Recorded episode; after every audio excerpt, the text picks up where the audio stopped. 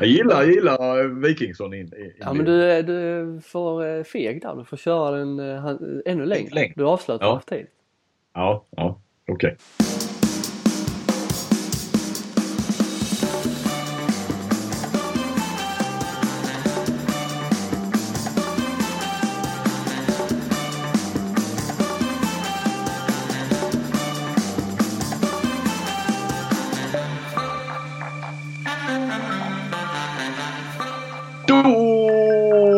välkomna till Bladets handbollspodd med Flink och Rutte. Elvis lever.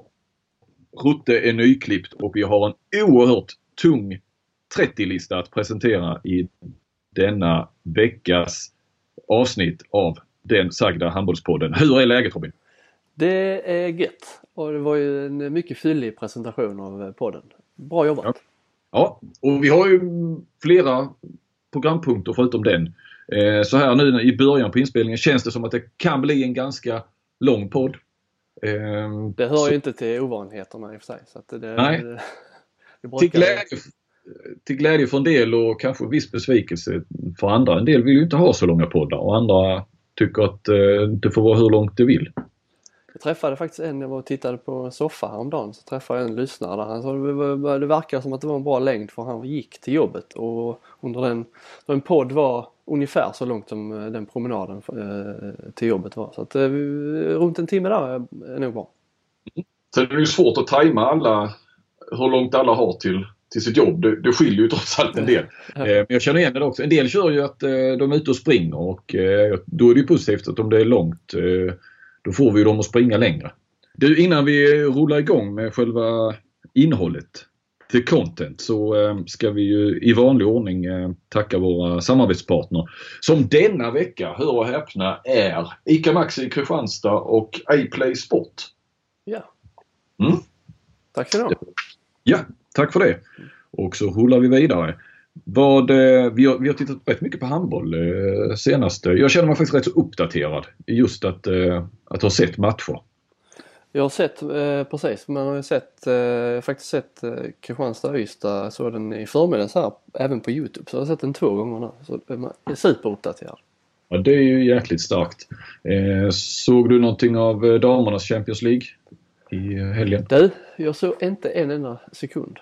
Eh. Jag, Ja, jag hade inte- planerat det men jag fick rycka ut på, på annat här i helgen så Ja. jag följde bara Twitter. Jag såg, eh, jag såg inte semifinalerna men jag såg eh, finalen. Och eh, ja, jag missade faktiskt de första 13 minuterna som kanske, om jag förstod det rätt på, på Twitter, så var det, det kanske de bästa minuterna rent handbollsmässigt. Eh, möjligen att det var lite sämre försvarsspel och att det höjde sen för att eh, det, det var rätt mycket mål i, i början och sen eh, var det inte lika mycket mål kanske där i resten av första halvlek när jag tittade men då blev det också som sagt ett bättre försvarsspel. Och, och så vidare. Men, eh, men det gick ju till eh, förlängning som eh, Gör vann rättvist. De var väl det bättre laget. Får man lov att säga. Men det som jag framförallt sådär, det var ju den oerhört goda stämningen som, som, var, som var mellan spelare och lagen.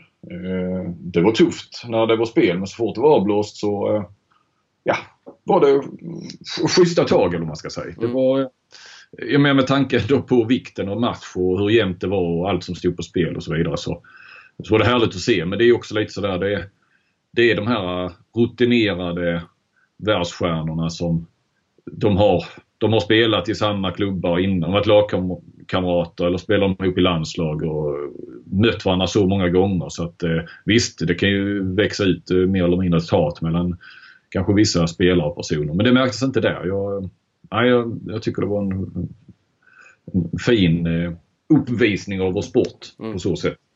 Eh, jag- Nu såg inte du semifinalen heller men eh, Vardar vann ju klart där så det var väl eh, det, det var inget snack, har jag inte sett någonstans i alla fall, om att eh, de ryska domarna skulle ha... eh, De behövde liksom inte anstränga sig för att ge segern till Vardar direkt.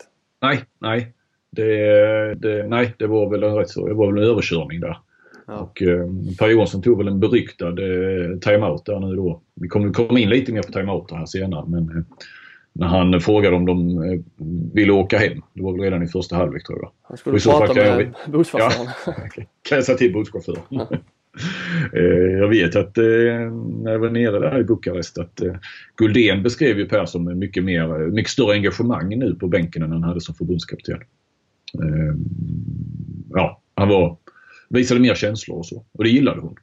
Och samtidigt kanske det är någonting han också liksom, tagit in där då i Eh, för att han kanske tror det är det rätta för att det är många nationaliteter som är kanske mer vana vid ett sånt eh, ledarskap också på sätt och vis. Samtidigt som han hyllades då för sitt skandinaviska ledarskap. Men, har det inte lite med få lite respekt också? Att man eh, måste kanske när man kommer in så som han gör att man ja. måste våga höja tonen ibland. Precis och han visste ju också från början att han skulle vara där väldigt kort tid också. Att det handlar inte om att bygga något så här långsiktigt eh, eh, förtroende eller vad man ska säga. Va? Då, det pratade han ju själv om också när jag träffade honom. att eh, Han kunde ju säga, han tänkte då, körde vissa grejer på träning, han märkte att det funkade inte och då, ah, då sa han, då kastade jag det i papperskorgen bara. Det fanns, fanns ju liksom ingen tid att försöka få dem att eh, fatta det eller eh, få det, det att fungera i praktiken eller så. För att det hade kanske varit om man hade vetat att han i varje fall hade ett kontrakt som sträcks över nästa säsong. Då kan man jobba mer långsiktigt. Va? Så att mm. Det var ju eh, raka rör öppna spel på kort tid. Ja. Eh, vi har ju sett eh, semifinalerna är ju igång för fullt på herrsidan och på damsidan. Men det är ja. ju eh, framförallt på herrsidan där vi har varit, eller jag har varit i alla fall. Eh, du har väl sett via Simor va? Precis. Jag hade eh, under gårdagen så eh, försökte jag köra dubbla skärmar. Det är inte lätt du. Nej, det, det, det är alltså, det, man ska inte försöka sig på det. Men man är ju glad över den. Ja, nej precis, men då är man glad ändå att det är 10 minuter som skiljer i avkasttid då. Eh, igår var det ju då eh, Lugi eh, Hör, eller Hör, jag vet inte, man får ju skriva Hör för att folk ska fatta att det är Hör i hela handbolls-Sverige och idrotts-Sverige. Men för mig här nere i Skåne så har det alltid bara varit H65, ungefär som H43. Precis, eh, ja. Jag har aldrig sagt hör utan... Nej, nej man eh, kör ju H65 H43. Ja precis. Va? Men när man skriver så skriver man, ja det blir hör i rubrikerna och sen kanske det blir då H65 hör i, i texterna. Men eh, jag vet inte heller varför ska hör ha sitt H65 för? Du skriver ju inte Lugi HF eller IK Sävehof i, i löpande text. Nej. Men eh, hur som helst, var det den matchen som började klockan sju och sen var det eh, och det var ju då semifinal 3 på damsidan och sen hade vi semifinal 1 igår mellan eh, Kristianstad och Ystads IF. Mm. Där ska jag däremot säga IF eftersom det finns ett elitlag till från Ystad. Mm. Eh, men det, då är det gött att ha de där 10 minuter som man får i varje fall. Sen ska man också skriva, skulle jag skriva på slutsignal eh, mer ett referat mer eller mindre. Eh, då är man ju också glad att det är 10 minuter som skiljer i, i, i avkasttid. Sen är det också lättare på något vis. Nu körde jag eh, herrmatchen på TVn här, eh, på mitt lilla kontor och sen hade jag då på dataskärmen hade jag dammatchen. Då är också produktionen en annan och bättre eh, kommentatorer och det är intervjuer och sånt i herrmatchen. Så den, och den anledningen tar den också över lite grann. Men Eh, innan vi kommer in på det kanske jag ska säga någonting ändå. Jag, som sagt, jag får nog erkänna att herrmatchen tog över lite grann även om det var mer dramatiskt i damernas. Det var eh, Tolbring show förstår jag. Ja, verkligen. Eh, jag fattar, hon gjorde ju nio mål då i matchen före och de skulle stoppa henne Lugi men eh, det gjorde de inte. Och de, eh, punktade väl knappt henne. Gjorde de det i några minuter. Jag vet inte riktigt varför. Jag ska erkänna också att jag inte pratade med någon efter matchen utan jag skrev. Det var ett referat utan, utan citat. Mm. Uh, ja, men uh, nej, hon gjorde ju 10 mål och hon gjorde dem avgörande. Ja, hon spelade väl fram till nästan resten. H65 höll undan. De hade eh, ledningen genom hela matchen. Men det blev dramatiskt i slutet och de vann med, med en boll. Men hon var ju fantastisk och Jessica Röjde då längst bak i målet som stod, hade mer än 50% i räddningsprocent. Och, eh, ja, de två stora stjärnorna som lämnar efter säsongen så att vi får väl se om de kan ta eh, H65 till en, till en första SM-final. Men eh, mm. i Kristianstad, Allings, eller Kristianstad Öysta då, det blir en väntad seger till slut men eh, Öysta bet ifrån bra där i början. Ledde med 6-2, 8-4, 9-5. Då var det lite många, många nervösa. Man märker det i arenan där att eh, skulle i Kristianstad då ligga under där efter en kvart då det, det är man liksom inte van vid där nere så då är det direkt att det blir lite mm. nervös, nervös stämning. Ja men det förstår jag. Men det verkar inte ha spridits direkt till spelarna. Det är klart att de, de, de vet vad de kan. Men jag, jag gillar ju Ola Lindgrens nu när man sitter här och ser det på TV så får man ju timeouten också där. Eh, vilket också då Axner och, Kristiansson eh, uppmärksammade och gjorde ju en grej av den här timeouten. Inte minst Axner, vilket var helt rätt. Där han först gav han ju då framförallt eh, Gunnar Sten Jonsson och Olof Gudmundsson en skopa och sa att det är alldeles för dåligt och hit och dit och sen så... Ja, trodde man liksom gick, ändå... gick väl och spelade handboll sa Ja, precis. Pekade ut så det hör man inte så ofta att uh, Ola för Gunnar igår och spelade handboll. Uh, det hör, ja. hör man inte så ofta sådana utpekanden. Och då drog jag, pratade ni ändå sådär, ja, där en halv minut och sånt. Och sen avslutade han bara med att, ja, vi byter ut hela nyhetslinjen. Eh, och så bytte de ju eh, några minuter senare Simic mot Leo Larsson och, och sen var det väl även Lipovac och, och Arnason bytte väl innan timeouten egentligen. Det var någon utvisning där. Och sen, ja. Men sen var ju Arnason var ju viktig sen och han spelade ju rätt mycket sen. Det, det, och det vände ju matchen någonstans. Det var ju B-laget som, om nu Lagergren kan räknas in där, men i dagsläget är han väl det. Ja, det är få lag som har uh, förmånen, eller det är få lag förunnat att kunna dra ut uh, startuppställningen på 9 meter och sätta in uh, tre nya som, som då kanske är ännu bättre då, som de var igår. Mm. Mm. Men det är ehm. mycket ändå som handlar om eh, Filip Henningsson. Eh, ja. Han har ju eh, Ligalandslagsmannen har ju verkligen lyft kan man mm. säga. Han var ju lite på gång även i slutet. Han hade en formsvacka där i februari, mars. Men sen har, när i slutet av serien och i slutspelet så har han ju varit bättre än Olaf faktiskt på, på vänsternio. Mm. Och, och nu hade han ju, han är fan lekstuga med Kim Andersson. Lite grann. Han har ju några satsningar som är eh, så extremt tunga. Liksom. Han har ändå tunga satsningar, kan gå både utsida, insida, bra skott. Eh, hittar linjen också ibland. Så eh, han har ju ändå det mesta. Mm. Många verktyg att använda sig av. Nio spelmål va? Nio spelmål på mm. 12 skott tror jag. Ja det, det är bra. Jag pratade lite med Lindgren efteråt där och Eh, kom väl in lite. Och han, han ser väl också, eller ledande frågor kanske. Men alltså Henningsson, om han, kan, han menar ju då att han får utveckla sitt skott lite mer. Sen kommer han ju aldrig få Simon Jeppsson och Lukas Nilssons skott. Det är ju svårt att se men då, då menar han att då eh, mycket väl blir en landslagsspelare. Han har ju lite andra egenskaper än, eh, än Jeppsson och, och Lukas. Eh, eller rätt sagt saknar han ju deras den här liksom supertalangen kanske, eller superegenskapen som de har. Men han är ju bättre än de bakåt får man lov att säga. Ja precis. Han saknar den spetsen men han är ju mer, ja bättre bakåt, mer allround. Han är eh, bättre på, eh, han är liksom bättre på mer än vad Simon och Lukas är bättre på. Men det de är bra på eh, är de bättre på så att säga. Om det, fattar man då vad jag, vad jag menar? Ja, du är kristallklar. Nej, men det gör jag. Eh, jag gör det i alla fall. För jag är inte på samma tankelinje. Alltså det är lite sånt. Jag tror inte att han kommer att spela i Rhein Eckerlöven eller Flensburg eller Kiel, Henningsson. Eh, om det inte händer något väldigt speciellt. Eh, han är typisk. Melsungen-spelare, Henningsson. Ja. eller Magdeburg kanske.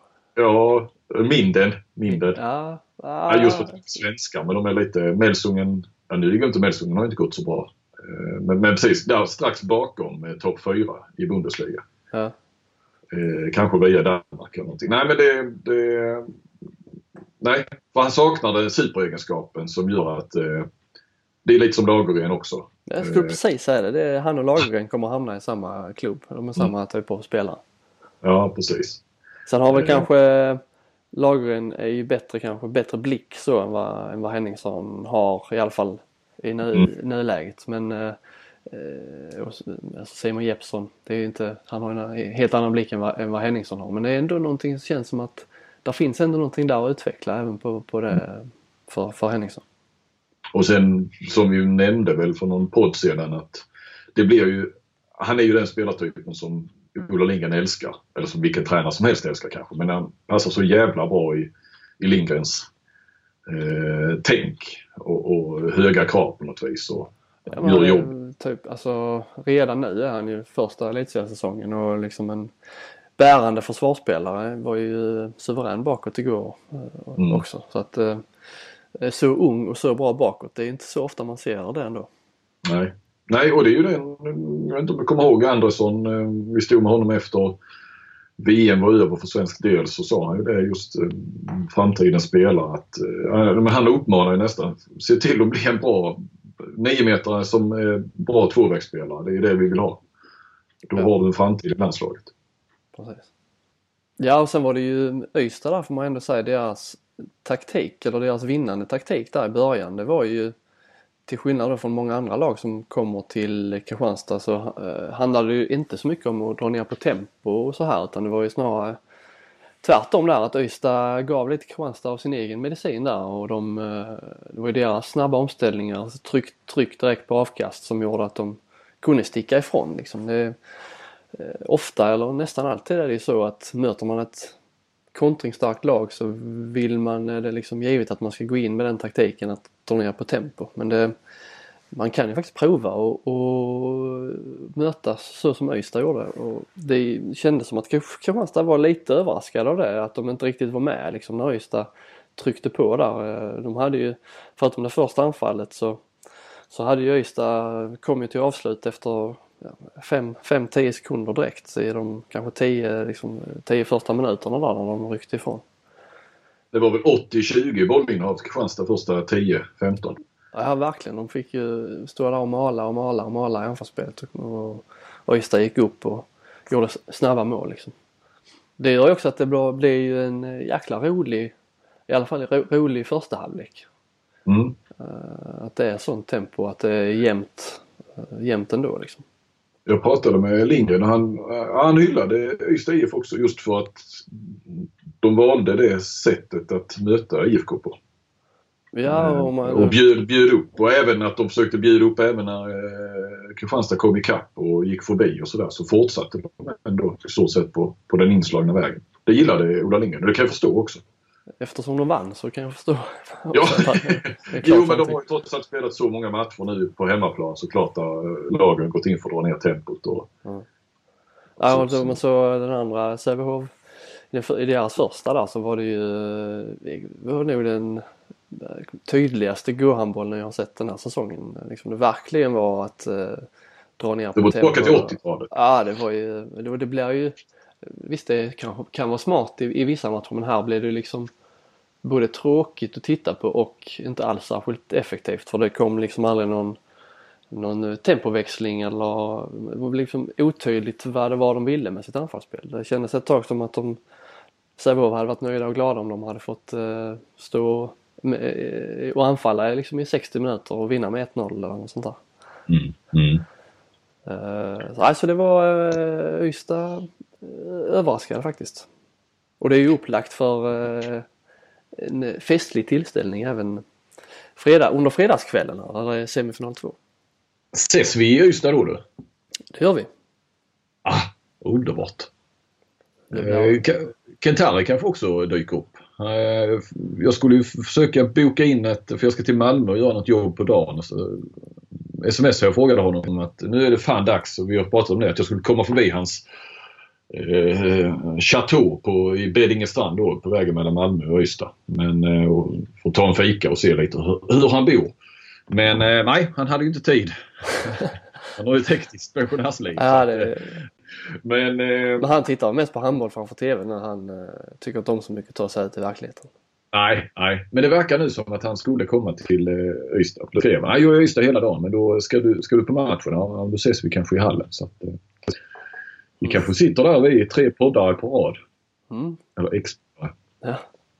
Nej men det är väl upplagt. Eh, jag tänkte på det, vi var inne på Ola Lindgrens timeout och jag, jag twittrade det och det, jag förstod på, det var väl IFK-supporterna som gillade den tweeten. Men att, det är intressant när man lyssnar. Jag har ju nästan aldrig lyssnat på landslagets timeout och nu är i och för sig Staffan Olsson inblandad i, i, i dem också och så, så det är inte bara Ola. Men nu har man ju lyssnat på en del eh, när han har varit i Kristianstad och, och eh, jag vet inte om de blir mer och mer så men jag tycker att de satan var ursäkta svordomen, men så, eh, så packade de med med information utan att det var för mycket. Jag tror ändå han är skicklig på att plocka två eller tre saker va? och sen trycka på dem. Men det är mycket innehåll i timeouterna. Ja, eh, jag var där lite därför jag såg matchen idag men för jag ville se, eh, se. Det är inte så ofta man får när man är på plats att man kan, man vet ju aldrig vad, vad det är som sägs där. Men mm. eh, försökte också kolla lite på, eller lyssna på Seifert har han. Jag tycker ändå att Seifert också har, om man jämför med för någon säsong sedan eller bara i fjol eller tidigare det här, de timeouterna man har sett med honom så tidigare har han mer varit uh, det här mer gapiga stilen liksom. Mm. Gasa på, mm. nu, nu måste vi, ja, du vet ju, visa, ja. visa genitalierna för, för ja. andra. Ja men det har mycket, varit mycket svordomar och könsord och Ja precis, och, men jag eh, tyckte ändå, Ja exakt, men jag tyckte ändå denna matchen var han lite mer åt ja. Lindgren-hållet där med, med, med, tydlighet och så. Men eh, Ola visst, det, det är rätt tydliga direktiv från eh, start till mål. Det är inga liksom, eh, inte ens ett kom igen nu där i slutet utan eh, det är... Han bara lämnar, han bara lämnar ringen Ja, han tar sin sån här lilla block eller ja. whiteboard och, och lämnar. Ja. Men det precis utan, utan ett ord så att säga lämnar han. Ja, ja. Ingen, ingen avslutande någon pepp eller något sånt utan han bara slinker, slinker undan och så får spelarna ta hand om det själva. Nej, men jag menar inte att få ringa andra elit eller ligatränare heller så men, men äh, jag noterar, eller har noterat det att oftast är han också, det är inte in i det sista, han är oftast klar i god tid innan timeouten är över och så. så att, jag pratade lite grann med honom om det igår men han, i vanlig ordning så tonar han ju ner timeouten. Det är ju rätt ofta man har läst texter, knäck efter Kristianstads matcher där, där hans timeouter har lyfts fram eh, för att man har vänt saker och att det har hänt saker och ting efter timeouten. Mm. Men han, eh, han tonar ju alltid eh, ner både dem och, och sig själv så sett. Va? Men, men normalt så, ja. en, en normal timeout så hade det varit, ja, vi byter ut hela niometerslinan. Uh, kom igen gubbar nu kör vi. Men här är det mm. liksom, ja vi byter ut hela niometerslinan och så vänder han sig om och går. Ja. okay. Nej men det, ja Eh, som sagt, jag, jag, jag har inte koll på exakt hur alla eh, ligatränare är så det, är ingen, det är ingen kritik mot övriga men, men eh, det har varit intressant. Man kanske skulle tagit ett snack med någon av IFK-spelarna som varit med ett tag, eh, alltså Gunnar Stein och sådär, som kan jämföra med, med många olika tränare. Mm. Och se de, vad, de, vad de tycker. Eh, ni hade celebert besök i Kristianstad igår, förstod jag på, av bilderna. Det var din gamla kompis eh, Vlado vad säger man efternamnet? Ja. jag tänkte att du får... Du sa förnamnet, då får du fan säga efternamnet jag vågar. Jag tror Samaracic. Samaracic. Mm. Ja, jag tror, jag tror det är något i den stilen. Mm. Eh, det betyder ju, ja, han är i stan. Det är första gången han är tillbaka i Kristianstad. Som han utlovade när jag gjorde en intervju med honom för snart två år sedan är det väl. Ja. Jo, han skulle vara här i hela maj tror jag skulle han hänga. Jag vet inte om det var i Kristianstad han skulle hänga hela tiden men i Skåne i alla fall och följa. Han eh, intervjuades ju på mittplan där i pausen. Han skulle följa hela slutspelet och så skulle han avsluta med att fira Kristianstads SM-guld då innan han eh, åkte hem igen. ja, det är en, det är en profil. Eh, och tänk att Elvis Presley skulle komma tillbaka i den skepnaden alltså. Han lever och är i Sverige. Fantastiskt. Ja, du, ser. Du, du ser likheterna där? Ja, jättetydliga tycker jag. Han ser ut som, han ser ut som Elvis. Det är en rejäl bit. Han var uppe i pressrummet med i pausen och sen efter, efter han hade blivit intervjuad. Det är ingen eh, jag kan tänka mig, hade man spelat på hans tid så är det ingen man kanske vill möta eh, i onödan. Nej, och han var ju känd för... Lite så, ja, bufflig. Bufflig, ja. Han kunde vara rätt ful. Ja, vi har väl någon klassiskt påhopp. Uppe han, i... Eh, knockade väl någon där ja. uppe i Stockholm. Eh, som han sen väl blev avstängd sen... Det film, var det inte, hette han inte Limpan, Limpan Lindahl? Vad hette han? Åkerman. Eh, ah, var det Mini Åkerman då? Och så var det hans farsa som hade filmat ja. hela Som blev bevismaterial. Ja, ja. För det skedde ju liksom utanför, jag vet inte, det var ju inga tv-sändningar på sånt, du kan inte tänka mig. Men det var, det var så långt ifrån där bollen var så ingen, typ ingen såg det. Men eh, men eh, hans, eh, offrets farsa hade ju det på film. Eh, så att han åkte ju dit på det. Det blev ju några matchers avstängning. Det var rätt ovanligt på den tiden har jag för mig. Ja. Det kan inte heller säga. Det var kanske lika vanligt då som det är nu. Det är väl inte så vanligt nu heller egentligen. Men det var ju prakt praktiskt att eh, farsan filmade hela... Ja. Om det skedde utanför spelet så hade kanske inte tv-kamerorna varit där ändå. Nej, nej precis. Men han hade ju eh, såklart fokus. Han hade ju sonen i linsen. Så att, ja. Eh, nej men det är väl kul. Fan det betyder ju att jag ska bjuda Vlado på en rejäl middag. Eh, det gjorde han ju när jag var nere i Podgorica i, i Montenegro. Och han så sa nu, nu betalar jag här. Är liksom för, en intervju va? Då är det ju jag som bjuder eller tidningen. Då ska ju vi stå för. Nej nej sa han. När, när vi är i Montenegro bjuder jag. När jag kommer till Sverige bjuder du. Ja. ja men du har hela maj på dig nu. Ja. Ja men det får vi försöka se till. Men Sävehof släppte 80-talshandbollen i, i kvällens match och spelade lite modernare. Snabbt och rappt och härligt och ja, det var en, eh, som natt och dag att titta på första och andra semin. Ja, det får man väl lov att säga. Olle Forsell Schäfert var ju en gigant. Dominant. Trodde nästan där efter första semin att det skulle bli hans sista i, i Partille men eh, det blir det inte nu då ju. Nej precis, nu sa han till att det blir, eh, ja, att det blir en till, sen blir det inte fler. För sen är det ju en femte avgörande i Alingsås och sen final i Malmö. Men äh, ja, jäklar vad bra han var och eh, som han själv också påpekade, nogsamt påpekade att det, det gick bra bakåt också. Och där var han ju, där tog han ju inte hur många inspel han plockade ner. Eller snodde åt sig. Nej, de var, de var vassa då. De är ju tydligen då inte så beroende av Sandströms, eh, han var, de fick ju inte riktigt igång något målvaktsspel idag heller. Eh, kollade lite räddningar, de hade lika många räddningar idag som eh, i, för, förra matchen. Ja, hade de det? Men visst tog han väl lite mer i andra. Nu ska tilläggas att jag missade rätt mycket i första men då var det inte så mycket målvaktsräddningar överhuvudtaget. Men i andra där så tyckte ja, jag ändå han tog en del viktiga då. Han tog Jeppe Larsson-räddningarna där då. Ja, precis. Jo, han blev utbytt där i första med ehm, mm. Och sen började igen. Jo, men ja, han gjorde lite viktiga räddningar. Det gjorde han. Det är möjligt att han gjorde. Det var ju större skillnad i Alingsås där. Frisk hade ju, jag tror det var 16 i första matchen och 10 i den här. Ja. Sämre procent. Men Nej, och sen hade du... Mm. Det är ju ja, det med Alingsås. De är ju, när de inte får kontringarna där så är de ju, alltså har de ju problem i det, i det uppställda anfallsspelet. Det är ju akilleshälen där. Mm, ja, de verkar ha fått det igen för det var faktiskt en period där, eh, jag vet när jag var så dem i, eh, mot Malmö där precis efter eh, VM-uppehållet så eh, det var ju Franzén här trött på det snacket om att eh, de bara kunde kontra ungefär. Eh, och att de gjorde en jäkla massa mål uppställt. Eh, och det hade han rätt i då. Men ja. i, idag hade de ju stora problem. Och, man får väl lov att säga att Konradsson har väl inte varit så har inte sett ut som en mästerskapsspelare i det här slutspelet. Eller? Nej, och kanske inte egentligen eh, så mycket i grundserien heller. Men det vill ju till liksom att eh, nu, nu som det var ikväll så känner man nästan att Sävehof eh, gav bort den första matchen med den eh, slöfock, slöf, slöfockstaktiken de hade där. Men, alltså om de hade spelat så här så hade den matchen kanske också sett lite annorlunda ut och då vill det ändå till att Alingsås får igång ett ett eh, anfallsspel som eh, för att jag menar Sävehof, det är ju inte ett lag som är känt för att ha ett speciellt bra försvarsspel. Men de släppte ju in eh, eh, bland de flesta, de gjorde väl flest mål i handbollsligan. De släppte väl in eh, ganska många också. Eh, mm. Mm. Så jag menar det är ju inget utpräglat försvarslag de möter heller. Nej, nej. I sitt uppställda anfallsspel. Men de var bra idag, Fingren och, och, och Chefet där. Nej, det blir, eh, ja, vadå, är det, är det fördel Sävehof nu säger du eller? Ja, jag, jag vet inte riktigt. Men det känns ju alltid så att det lag som har vunnit den senaste matchen, det är, det är alltid lite, lite fördel dem. Ja.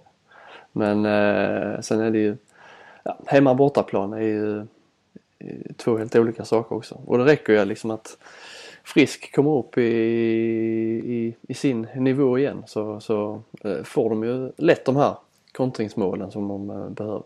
Tern eh, får de besked om då imorgon eller fredag då. Det här är ju torsdag kväll som vanligt när vi spelar in. Eh, huruvida, ja han är ju magnetröntgen då. Det var något med bröstmuskeln så att eh, kan väl vara borta.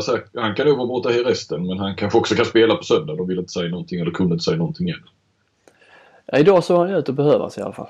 Mm. Men de klarade sig typ i 50 minuter förra matchen utan honom. Så. Ja, Bergendal är ju ingen, eh, om Tern eh, inte så omtyckt bland, bland spelarna så spelar rätt så fult ibland så är ju Bergendal är ju ingen, eh, inte Guds bästa barn. Nej. Det, det såg vi ju där i den första semin. Det bli lite diskussion där om eh, hans eh, Ja. tackling på Laron. Laron verkar rätt så chill. Jag hörde honom i Sävehof-podden de pratade lite om den där. Ja. Ja, så, ja, jag vet inte om det... Du vet, du vet han, hur han, pratar. Han är lite slapp så. ja. Jag vet ju att det var ju någon match som jag missade i kvartsfinalen där han tände till på domaren och så. Men jag har, har, kan inte påminna mig nästan att jag har hört Larsson stå och gnälla på domare eller eh, sånt efter en match. Och då har man ju ändå stått med honom i rätt många matcher genom åren, inte minst i landslaget. Men nej, sällan den Ryan Reynolds here from Mint Mobile. With the price of just about everything going up during inflation, we thought we'd bring our prices down. So to help us, we brought in a reverse auctioneer, which is apparently a thing. Mint Mobile unlimited premium wireless. Ready to get 30, 30, bit to get 30, bit to get 20, 20, 20, bit to get 20, 20, bit to get 15, 15, 15, 15 just 15 bucks a month. So, Give it a try at mintmobile.com slash switch. $45 upfront for three months plus taxes and fees. Promo rate for new customers for limited time. Unlimited more than 40 gigabytes per month. Slows. Full terms at mintmobile.com. som han verkar släppa, släppa det som har hänt på plan. Eh, precis som du säger, rätt så chill alltid efteråt. Jag kan tänka mig att han tycker att det är lite billigt att börja. Det är liksom det är en för lätt analys och, och skylla på domarna. Mm. Men, Mm. Det finns så mycket annat som, som Ah, han han grunnar gå på djup- efter matchen. Ja, ja han, har mycket, han grunnar mycket. Han, han, vill, han vill gå djupare än så. Eh, du, eh, förresten jag nämnde ju det. Jag tycker ändå man måste... Den, hänger i luften fortfarande från inledningen av podden här. Att du är nyklippt. Ja, jo, jag förstår det. Lyssnarna måste sitta och undra här nu. Det En halvtimmes podd och de har inte nämnt vad man menar. Vad menar han med det? Det finns, Ja, inget, så- det finns inget mer att säga. Nej, du var klippte dig idag. Ja. Eh, På tal om eh, hår och sådär, nu gör jag en dålig övergång här. Men såg du att eh, Lasse Nilsson, MFFs mittback, ska eh, i alla fall träna och förmodligen spela med huvudskydd. Han har ju fått någon hjärnskakning. Är Det låter fullkomligt livsfarligt. men jag skulle fråga det, är det medicinskt säkerställt? Att, han, att det inte bl- blir ännu värre? Nej, det blir väl eh, ännu värre om man spelar med huvudskydd om jag förstått rätt. De, ska, de får man ju inte ha. Ah, vi ska väl inte ge oss in i det där och raljera, raljera över det. Det är, väl, det är ju allvarliga saker men eh, ah, jag har fortfarande lite svårt att, att smälta hela... Men, men även om jag fattar det här med att man... Eh, Det blir inbillad. eh, Ja, inbillad säkert. Mm. Men eh, ja, det verkar inte vara samma regler i fotbollen som i handbollen. Det kan vi ju konstatera. Men det har vi konstaterat så länge med tanke på Peter Käck. Han har väl spelat med den i tio år snart innan. Ja. Hjälp. ja, precis. Vi har ju, vad var det du sa där i början? Vi har en eh, diger topplista eller är det så, är det så vi presenterar? Ja, tung, blytung lista den här. Kanske den tyngsta listan man, man kan ha i handbollssverige på något vis. Eh, föranledd av eh, att Linnea Claesson häromdagen utsågs till eh, framtidens viktigaste svensk. Hon toppade en eh, eh, TCO som tydligen gör det varje år, någon lista över vilka som kommer vara de viktigaste personerna i, ja, i framtiden. Var det, Och, var det inte eh, mäktigast? Mäktigaste, ja vad sa jag? Viktigaste? Viktigast. Ja, nej förlåt. Mäktigaste naturligtvis. Eh, och det är ju mäktigt i sig. Och tydligen har det aldrig varit med en eh, idrottsperson eh, på, på, eh, på de här överhuvudtaget på 99-listorna. Så att, eh, Hon, nej, hon ligger i tiden. Hon har alltså, varit kvar. det kändes som det var länge sedan vi pratade om henne nu men hon har ju liksom eh, Hon är ju mer uppmärksammad nu än när vi tog upp henne första gången känns det som. Hon eh, ja. ligger kvar på, på eh, alla tidningssajternas första sidor. Det går inte många dagar utan att man ser henne där. Nej. Nej men det är ju det är kul och det här fick oss då börja fundera på en lista över de mäktigaste i handbollssverige. Mm.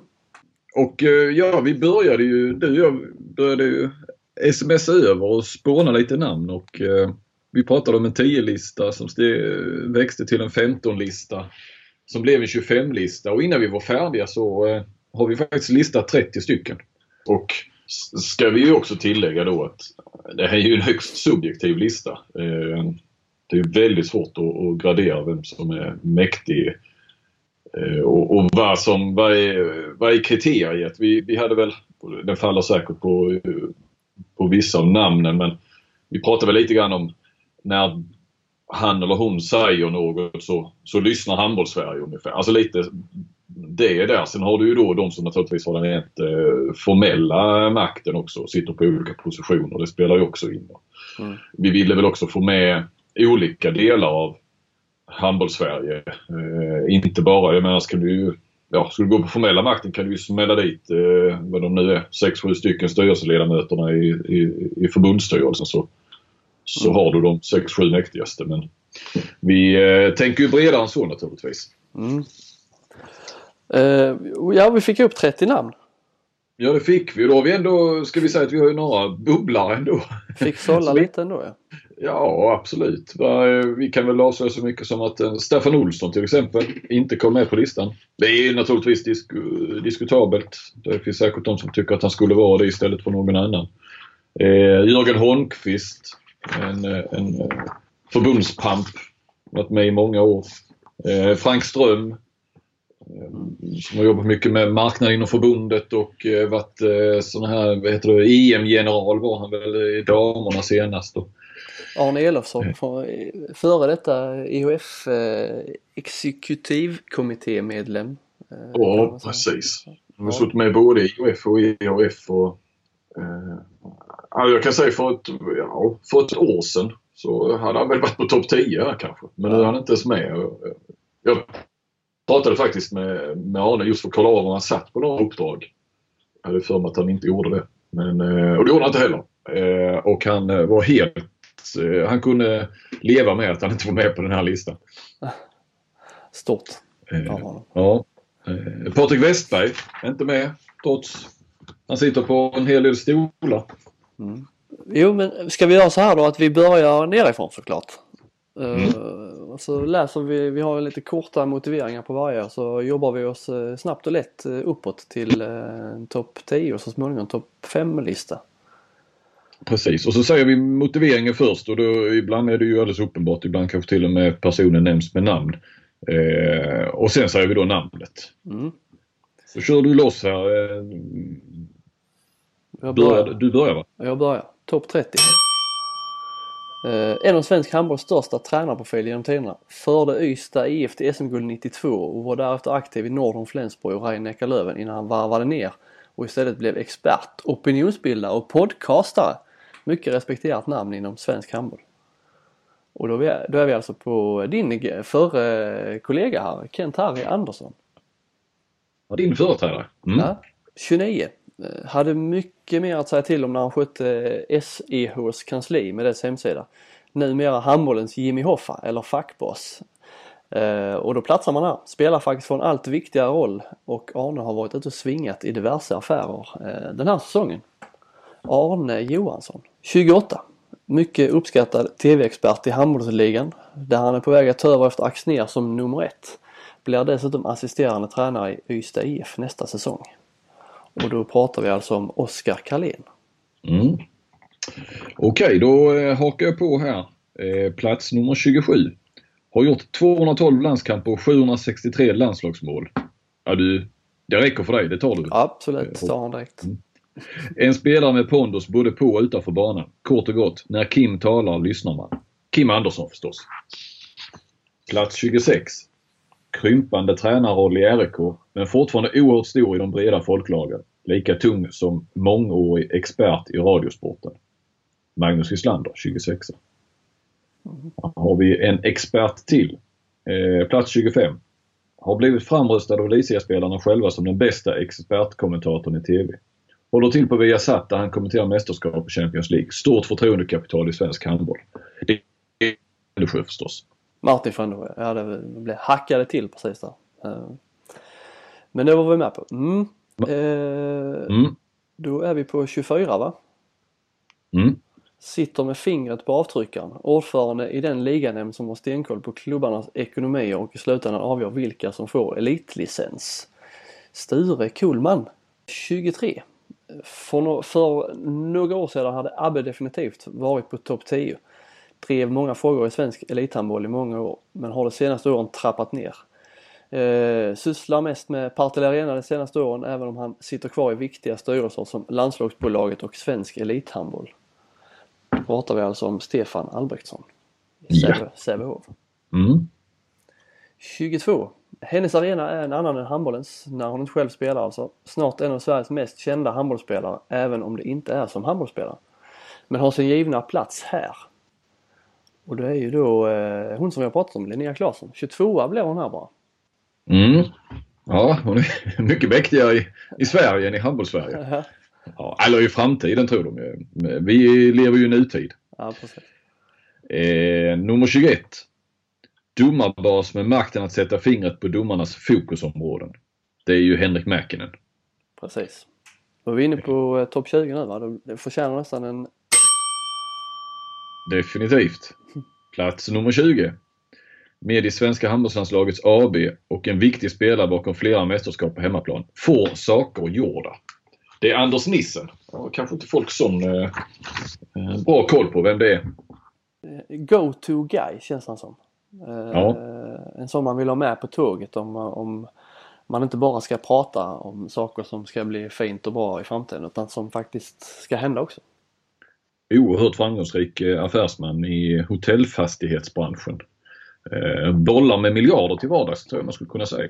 Eh, själv nog god för några miljoner. Det var ju för övrigt, han var ju viktig när vi kom in på ett stickspår när Staffan Olsson blev förbundskapten därför att han anställde ju Olsson samtidigt som eh, ja, inom sitt bolag då med, ja, rätta mig om jag har fel nu, eh, hade han hand om friskvården och sånt i, i där. Och jag tror nog, alltså det var väl ingen eh, välgörenhet Nissen gjorde men det var, gjorde ju också att, att, eh, att Olsson kunde ha en halvtidslön eh, som, alltså den var säkert bra den lönen som förbundskapten men han kan säkert tjäna mer utomlands som eh, tränare på heltid så att säga. Men så kunde hon dryga ut då med, med det jobbet som han eh, naturligtvis kunde anpassa helt efter förbundskaptens eh, jobbet där. Så att eh, ja, Nissen hade en stor roll i det. Handbollsälskare av eh, rang, det får man säga. Ja, och eh, ja, kul, kul att snacka med. Eh, alltid fullt ös och eh, snabb i truten och så. Nummer 19. Klubbchef i Sveriges just nu mäktigaste handbollsklubb. Med den tyngden i ryggen har han stor makt att kunna påverka större beslut inom svensk elithandboll. Det är ju förstås Nicolas Larsson. IFK Jag- Kristianstad. Exakt, klubbchef. Jag tror ju att han... Jag tror att man om några år kommer att och liksom snacka om Ola Lindgren, Nicolas Larsson-epoken på något vis. I, naturligtvis i IFK Kristianstad kommer man ju säkert prata om det, men även i svensk handboll. Eh, Det är ju någonstans de som... som har Tagit det, byggt till, det här. ja, och tagit det till nästa nivå kanske. Ja, eh, både på och utanför. Och, jag menar det är väl var och varannan klubb i Sverige har väl varit i Kristianstad på studiebesök hos Nicolas och tittat hur de har byggt upp alltihopa kring, kring det sportsliga. Eh, Då är det min tur igen. Då går vi på nummer 18. Mm. Pressansvarig för landslagen och sitter på den röda knappen ute i sociala medier. Då pratar vi om eh, Daniel Wander. Eh, nummer 17. Eh, det är kul den tycker jag. eh, handbollsskribent på Aftonbladet och den enskilde journalist som bevakar handboll mest året runt. Tydlig agendasättare i svensk media både på klubb och landslagsnivå. Har varit med i svängen i över 15 år och har en enorm kunskapsbank och ett brett kontaktnät, Johan Flink. Mm. Jag sitter här med rosiga kinder. Lite eh, generad. Ja, eh, jag hade ju naturligtvis inte haft med mig själv på en sån här lista. Det hade väl varit förmätet. Men eh, du Insisterar. tyckte det. Insisterade jag. Ja men det, alltså det, eh, det, det kändes ändå ganska givet. Om, när listan är 30 man stor så eh, får vi väl ändå ha med Sveriges, på Sveriges största tidning som bevakar handboll. Ja, ja, eh, där har du hemma. Ja. ja, men jag kan väl tycka att det kanske är, är synd att det inte finns eh, fler. Om vi nu säger journalister som eh, ja, skrivande framförallt, men, men eh, som är på riksnivå. Att vi, att vi inte är fler ändå. Ja, nej precis. Det är ju, pratar vi de större tidningarna så är det ju egentligen ingen här. Nej. Eh, Alltså jag tänker Expressen, eh, DN, Svenskan. Så det är ingen som, som, som följer handbollen så, så alltså året runt. Om man, visst, de är ju på mästerskap och så men jag menar det är ju som följer eh, elitserien och, eller handbollsligan och SHE på, på, på samma sätt. Nej, nej, nej men lite så är det ju. Ja, vi, vi, vi lämnar plats 17. Och, Ja. Ja. Då tar vi 16 och du är slagen på fingrarna återigen kan man säga. Eh, Spelaragent som representerar en majoritet av spelarna som är eller är på väg ut i proffslivet. Och då har vi alltså Åke Unger, superagenten. Superagenten ja. Ja men det är väl skönt. Då kan han sova gott i natt. Han är före mig. Ja. Och jag kan sova gott. Jag är före Wander. ja. Okej, plats nummer 15. Och eh, här vill jag ha ett pling när jag avslöjar Ah. namnet sen. Ja, okej. Ja. Eh, det är ju, ja, det här är ju, det är ju en favorit. Eh, Kan verkligen, eh, den, här kan, honom kan jag verkligen vara, eh, ligga efter i en sån här ranking. Handbollsförbundets ständige tävlingschef, ja det räcker så ni vet vem det är. Är formellt en tjänsteman men har också en kunskap och ett informellt mandat att påverka beslutsfattare i olika nämnder och kommittéer. Slutar efter den här säsongen. Ralf Lundberg. Ja. Topp 15. Härligt. Yes. Ja precis, han är på den övre halvan. Ja. Plats nummer 14. Extremt omtyckt expertkommentator i TV4 och Viasat. En av få handbollsprofiler med kunskapen och förmågan att nå ut och påverka den breda publiken. Mentor till flera stormålvakter, däribland danske Niklas Landin. Claes Helgen. Yes. Också given. Samtidigt som vi ska också erkänna att man är ju rädd att missa någon och eh, Helgen var vi faktiskt nästan lite på väg att Han, missa. Vi, ja, han var, var verkligen... Uh, undrar om han inte var sist in på listan. Ja, fast där hamnade du ändå rätt så högt. Nej, men vi, Ja. vi, eh, vi har faktiskt en scen också vi ska nämna. Eller ja, vi kanske inte ska nämna vilka vi mer var på väg att missa. men eh, vi ska också säga att vi till skillnad från Laron så har vi inte grunnat så länge utan eh, eh, samtidigt som vi inte har eh, heller alltså, med, med vänsterhanden slängt ihop den här listan. Det ska vi inte heller säga. Utan vi har varit ett, ett intensivt Ja, arbete ja, under ja, absolut.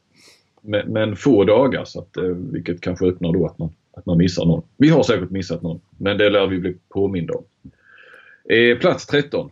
En grå eminens i sammanhanget kan gå på ett mästerskap som en vanlig man. Men, ja nu säger ju efternamnet här, Tellin har varit högste tjänsteman i förbundet i, och håller i nu, 30 år. Då har man förstås inflytande även om han aldrig syns som den makthavare han är. Sedan handbollslandslaget AB tillkom inför VM 2011 har han dock kringskurits. Eller hans ja, makt kan man väl då kalla det. Och då är det alltså Christer Thelin ja. Ja precis, ja. nu sa jag, jag sa ju Thelin. Christer Thelin exakt. Eh, nej men han är väl inte någon av de stora profilerna som har nått så långt utanför eh, handbollssfären. Men eh, som sagt han har ju suttit Ja, han har lite olika, formellt har det varit lite olika eh, titlar va? men eh, VD har det ju varit sen eh, ja, i varje fall en eh, 25-26 år tror jag. Och innan dess var, ja, det var generalsekreterare och det var helt lite olika. Mm, mm då är vi på tolvan. Uh, nytt fräscht ansikte som ska återuppbygga damlandslagets varumärke efter flera år med avsatta och eller sparkade förbundskaptener. Sverige behöver en framgång på damsidan och uh, Signell är mannen med makten att klara det. Dessutom tränar för Sveriges överlägset bästa klubblag under de senaste tio åren. Uh, Henrik Signell. Mm. Uh, 11. Ja. Ny förbundskapten på herrsidan har redan börjat föryngra landslaget och bygger spelet på en publikfriande handboll. Har en nyckelposition för att handbollen på nytt ska hitta den stora och breda TV-publiken. Vilket i längden leder till större intresse och publik samt tyngre TV-avtal. Christian Andresson. Mm. Där satte vi lite press på honom också. Nästan indirekt. Vi Mycket sätter honom, det liksom, ja precis, eh, tyngre TV-avtal. Det vilar på Andressons axlar. det gäller det att sätta de rätta eh, starterna i spelet i, i, i nästa eh, EM. Ja. Då är vi inne på topp 10 ja. Topp 10. Eh, TV-expert, krönikör, förbundskapten, klubbtränare nationellt och internationellt. Konsult, team manager som damer och herrar. Eh, ungdom, ungdomar som seniorer. Johansson har varit det mesta på alla möjliga nivåer, ofta med framgång. Det har gjort honom till en makthavare och agendasättare i svensk handboll. Johansson sa jag där, det var alltså Per Johansson. Ja. Bukarests succétränare får man väl säga nu. Ja, ja. Han tog dem till Final Four ju. Och ett brons. Mm. Ska jag ta vid? Du tar vid. Nummer 9. Nyckelperson på förbundet och landslagschef sedan många år. I den senare positionen styr han över tillsättningen av förbundskaptener. Där han de senaste två åren tillsatt eh, nya förbundskaptener oftare än vad Sebastian Seifert hinner svära under tre timeouter på en match. Lasse Tjernberg. Mm. Nummer 8. Den främste kaptenen landslaget haft sedan Löfgrens dagar. Ett exempel på hans inflytande är att han tog regnbågsbindeln och debatten kring den till en ny nivå. Hade legat högre här om han spelat kvar i landslaget. Fullblodsdiplomat som likt Löfgren aldrig säger något överilat. Inte så länge mikrofonen är på i alla fall. Högt aktad internationellt både som spelare och kapten och har, om han vill, en karriär i maktens korridorer framför sig. Mm. Vem är det då? Tob- eh, Tobias Karlsson. och sen har vi på plats nummer sju. Det största affischnamnet av alla spelare, herrar som damer i handbollssverige. En av Sveriges två bästa damspelare genom tiderna. Den andra är Mia Hermansson Högdahl. Med ett stort driv att lyfta dam, ja, handbollen och damhandbollen. Men också sitt eget marknadsvärde. Säger vad hon tycker. Isabelle Guldén. Mm. Det var sjuan. Då är det jag igen på sexan. Japp. Eh, styr det sportsliga i svensk handbolls flaggskepp med hjärnan och oerhört framgångsrikt. Eh, säger påfallande ofta dessutom vad han tycker. Var en viktig del av det svenska landslaget under 27 år som 9 meters, skjuts, 9 meters skytt försvarschef och förbundskapten. Ola Lindgren. Kristianstad-tränare. Då går vi in på topp 5. Fem. Ja. Har... Ja, förlåt. Det är ju du. Ja, det är jag. Ja, ja. Avbryt inte mig nu Flink. Jag var precis var inne i ett flow här. ja förlåt. Har, som han själv säger, röven på så många stolar att han kn- knappt kan hålla reda på dem alla. Idag satte han sig på en ny när han, efter att ha varit lite av en outsider i alla år, blir en del av det verkliga etablissemanget som ny förbundskapten för det yngsta pojklandslaget. Eh, men det som slagfärdig expert och tränare han platsar högt upp här på den här listan. Agendasättare med så stort inflytande över spelare i handbollsligan och den yngre generationen handbollare. Kanske tyst på de allra största bebisarna i den sandlåda som handbollstwitter stundtals är. Thomas Axnér. Ja. Det är intressant är att han blir ny. eh, Är det väl lite? Ja det var Eh, väl på tiden va? Var det inte det? Jo.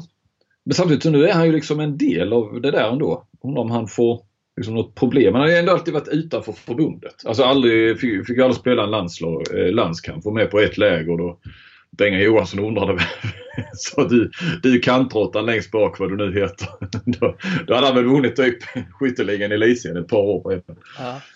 Han sa när han var och kommenterade Kristianstad, han bl- blev uttagen till någon match på riktigt också men då eh, skadade han sig där och drog någon eh, vad eller vad det var eh, så han, så han kunde inte vara med. Annars hade han haft en eller kanske två landskamper då. Men det är nästan roligt att han inte har någon alls. Lite coolare kan-. Ja men det är det. Det är ju ett coolare eftermäle. Sen kan jag ju förstå att för, för hans egen skull är det ju naturligtvis kul att ha sagt att man har spelat i landslaget. Men, Vi går vidare till nummer fyra. Eh, var man nyckelspelare i Bengan Boys har man automatiskt en maktposition i handbollssverige. I alla fall ett tag till. Eh, Gensel kombinerar det med en tung formell position som chef för svensk elithandboll. Elitlagens egen organisation. Eh, och Gensel är alltså Peter Gensel. och då går vi in på topp tre. Nummer tre. Just det. Sp- Spelarlegendar och Sveriges främste tränare de senaste åren, inte minst internationellt sett, vilket ger honom tyngd. En position som den frispråkige göteborgaren också använder. Och skrivit en uppmärksammad bok om sitt liv, suttit som TV-expert i de två senaste VMen och skriver ibland krönikor. Ja, det är ju förstås Jubomir Vranjes. Mm. Plats två. Har formellt den största makten i svensk handboll i egenskap av förbundsordförande. Kommer från rörelsen till skillnad från företrädaren Hans Westberg som kom från näringslivet. Har än så länge legat lågt, vilket i och för sig Westberg också gjorde. Till skillnad från en föregångare som till exempel P.O. Söderblom. Fredrik Rapp. Eh, högt upp utan att jag tror att eh, så jäkla många, ja i handbollssverige kan väl, skulle väl många kunna peka ut honom vid en vittneskonfrontation kanske. Men, men, Ja eh, det vet inte tusan. Inte, kanske inte vittneskonfrontation men eh, kanske eh, namnet har de tagit men jag tror inte de här, Jag vet till exempel inte om människan ser ut. Nej, nej det gör det inte. Nej, men jag har stött på honom lite grann då och då och, och sådär genom åren. Så att, eh, har, har väl rätt så bra koll på honom. Men nej, nej. Oskriven är han ju eh, ändå fortfarande. Trots att han, har, han är oskriven fortfarande. Ja, det är han. Det är han. Inte förekommit i så mycket media. Nej. Har varit ordförande sedan i höstas tror jag. Mm. Plats nummer ett. Odiskutabel etta. Stor formell makt som VD för handbolls, eh, eller Svenska handbollslandslaget AB och numera internationell pamp. Men minst lika mycket informell makthavare. Nyckelperson både när nya förbundskaptener ska utses och Sverige ska eh, fixa eh, mästerskap. När Löfgren talar lyssnar handbollssverige, eller står snarare givakt. Överlägset kontaktnät. Ingen i hela handbollsvärlden låter bli att svara när Löfgren ringer. Lika bekväm i maktens korridorer som inhoppar på en träning med damlandslaget. Ville han, skulle han med ett par dagars varsel få Sverige att börja spela vår och höst. Stefan Löfgren. Ja, ettan var inte så svår att, att sätta. Nej, det var den verkligen inte. Som sagt, helt ohotad där uppe. Med i den här eh, exekutivkommittén i EHF som, eh, som Arne Elofsson försvann. Det var samma möte där va? Den ena avgick och den andra kom dit. Precis, och det är ju naturligtvis viktigt för Sverige att ha, att ha en representant där. Eh, jag kan mycket väl, alltså vill Löfgren så tror jag att han är president i EOF ja, inom en fem år eller någonting. Mm. Med stor makt kommer stort ansvar. Ja, definitivt. Som vem är, vem är det som säger så? Det vet jag inte. Spindelmannen? det är klart du drar en referens från en, från en film och en superhjälte. Ja. Hänger du inte med i Marvels eh, universum? Nej, Nej, jag har fullt få med, fullt få med mitt eget universum. Ja. Jag trodde kanske att det var Tjernberg som hade sagt det, men det var det inte. Nej, det var... Jag vet inte om det var Peter Parker som sa det. Vem var det som sa det? With great power, with great power come great responsibility. Mm. Ah, ja, det var kanske hans morfar. Eller Anton farbror. ja, det kan vi diskutera en annan gång. Ja, precis. Uh, ja, men uh, som sagt, se den här listan som ett, uh, ja, diskussionsunderlag. Ta, ta det gärna vidare. som sagt, jag, jag köper he, helt klart en åsikt som att Claes Hellgren måste vara före eh, Per Johansson eller att eh, Gensel eh, inte kan konkurrera med Axner och Vranjes eller att Anders Nissen borde vara före Johan Flink. Ja, att Johan Flink inte borde ens vara en kandidat eller en bubblare. Att Kim Andersson naturligtvis skyhögt över många av de så kallade experterna. Det finns mycket att snacka om men jag vill ha en bra motivering till den som, på, som vill ha någon annan än Stefan Löfgren som etta. Mm. Du får kanske ett samtal av Kentari om han är arg, att han är för långt ner. ja. ja, jag tycker faktiskt han i dagsläget ska vara rätt nöjd med att vara med på listan. Han har ju faktiskt, eh, som sagt, nu handlar inte allt om formell men han, han har ju inte ens en podd längre där han kan eh, eh, svinga. Nej. Eh, vad är han? Han är en mentor i, i det norska landslaget. Det är väl egentligen hans enda formella, formella roll. Mm. Ja, nej men eh, bara skriv på på Twitter eller mejla oss eller eh, Facebook eller Instagram eller var ni nu är någonstans. Vi är mm. väl på de flesta plattformarna va? Vi försöker vara det. Eh, och eh, som sagt. Eh, du har ju till och med en egen Facebook-sida. Ja, fast den, den, den, den, den är borta nu. Ja, den är inte bort, jag ska faktiskt ta bort den. den. Den har spelat ut sin roll helt efter vi startade den här Sportbladets eh, handbollssida på Facebook. Ah, okay. Så det är där, där vi lägger ut eh, handbollsgrejerna och så. så att, eh, ja. Du, eh, är du bitter själv att du inte är med på listan?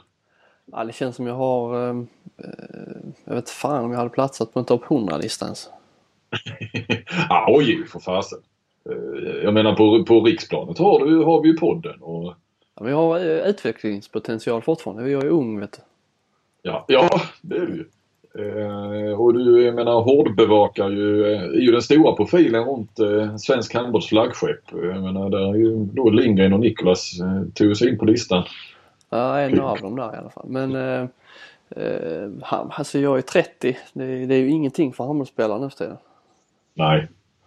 Borde det varit fler? Kim Andersson nämnde eh, spelaren i, i handbollsligan som är med på listan till exempel. Ja, och det tror jag inte att det är någon annan som riktigt är med och nosar va? Nej. Men om Eh, man tittar, eh, om vi går på eh, etablerade namn och så här, vad har vi mer? Vi har Jonas Larholm. Mm. Nej, med i en podd där och lite så. Men jag kan inte heller bara hänga upp allting kring om man är... Sen Ja, har vi ju eh, Johanna Alm, är ju inte, kan inte vara långt ifrån en Nej. eh, plats där. Hon, för överhuvudtaget är det ju för få kvinnor. Eller för få kvinnor. Ja, vi har ju tänkt till och hade gärna sett att det var... Och ni får gärna komma med förslag på kvinnor som skulle... mm, två av Ta sig- 30, det är ju inte eh, jättemycket. Nej. Och sen är ju frågan om det är vi som har eh, gjort fel eller det trots allt speglar någonstans hur makten är fördelad i handbollssverige. Det var väl allt för idag va, Flink? Ja, det var det. Nu får vi sätta punkt. Nu har vi hållit på länge. Så eh, hörs vi igen nästa vecka. Och eh, då vet jag att ni lyssnare är med oss men också de som var med oss den här gången, den här veckan, nämligen våra två sponsorer. ICA Maxi och iPlay. Ja. Bra, tack för idag. Ja men tack själv. Ha det Kör hårt. Hej. Hej.